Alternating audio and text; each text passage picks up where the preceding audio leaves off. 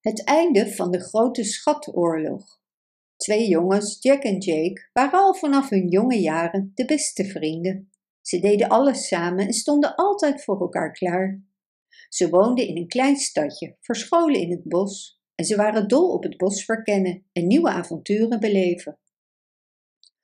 Op een dag, terwijl ze aan het rondstruinen waren, stuitten ze op een geweldige schat die diep in het bos verborgen was. Het was een kist vol met goud en juwelen. Beide jongens waren meteen betoverd door de glinsterende schoonheid. Maar terwijl ze daar stonden en naar de schat staarden, gebeurde er iets vreemds. Plotseling vergaten ze hun vriendschap en trouw. Beide jongens werden bezeten door hebzucht en het verlangen om de schat voor zichzelf te houden. Het is van mij, schreeuwde Jack terwijl hij naar de kist greep. Geen sprake van, het is van mij, schreeuwde Jake, terwijl hij Jack opzij duwde en de kist greep.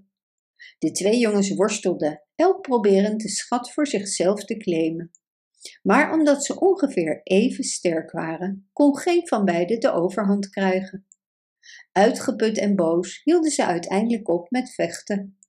Ze deden een stap naar achteren en keken elkaar hijgend aan. Toen besloten ze hun families om hulp te vragen bij de ruzie. Beide families wilden hun kinderen graag helpen en snelden naar het bos, klaar om te vechten voor de schat. De strijd woedde voort. Beide partijen waren vastbesloten om te winnen. Maar terwijl het vechten doorging, raakten steeds meer mensen gewond of werden gedood. Maar beide partijen waren wanhopig om te winnen. Ze riepen nog meer versterkingen op en de strijd werd alsmaar groter.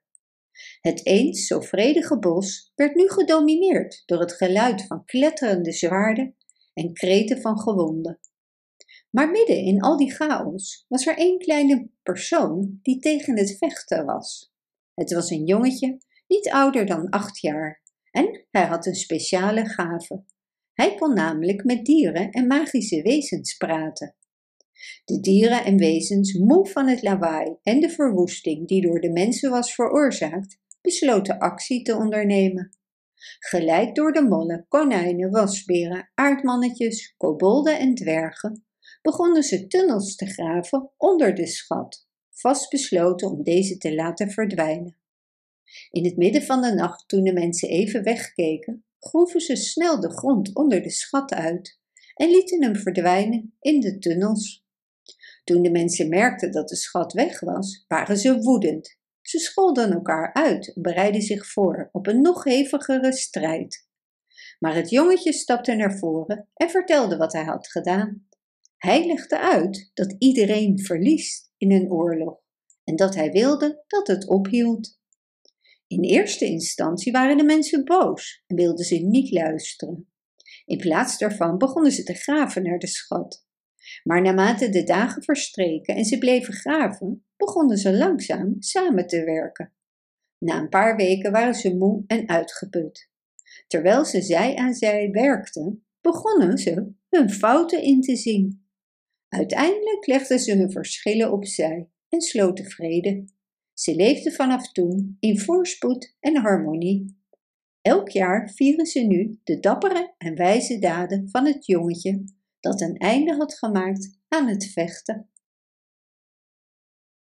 Bedankt voor het luisteren. Wist je dat je dit verhaal ook op onze website ririro.com/nl kunt lezen, downloaden en printen?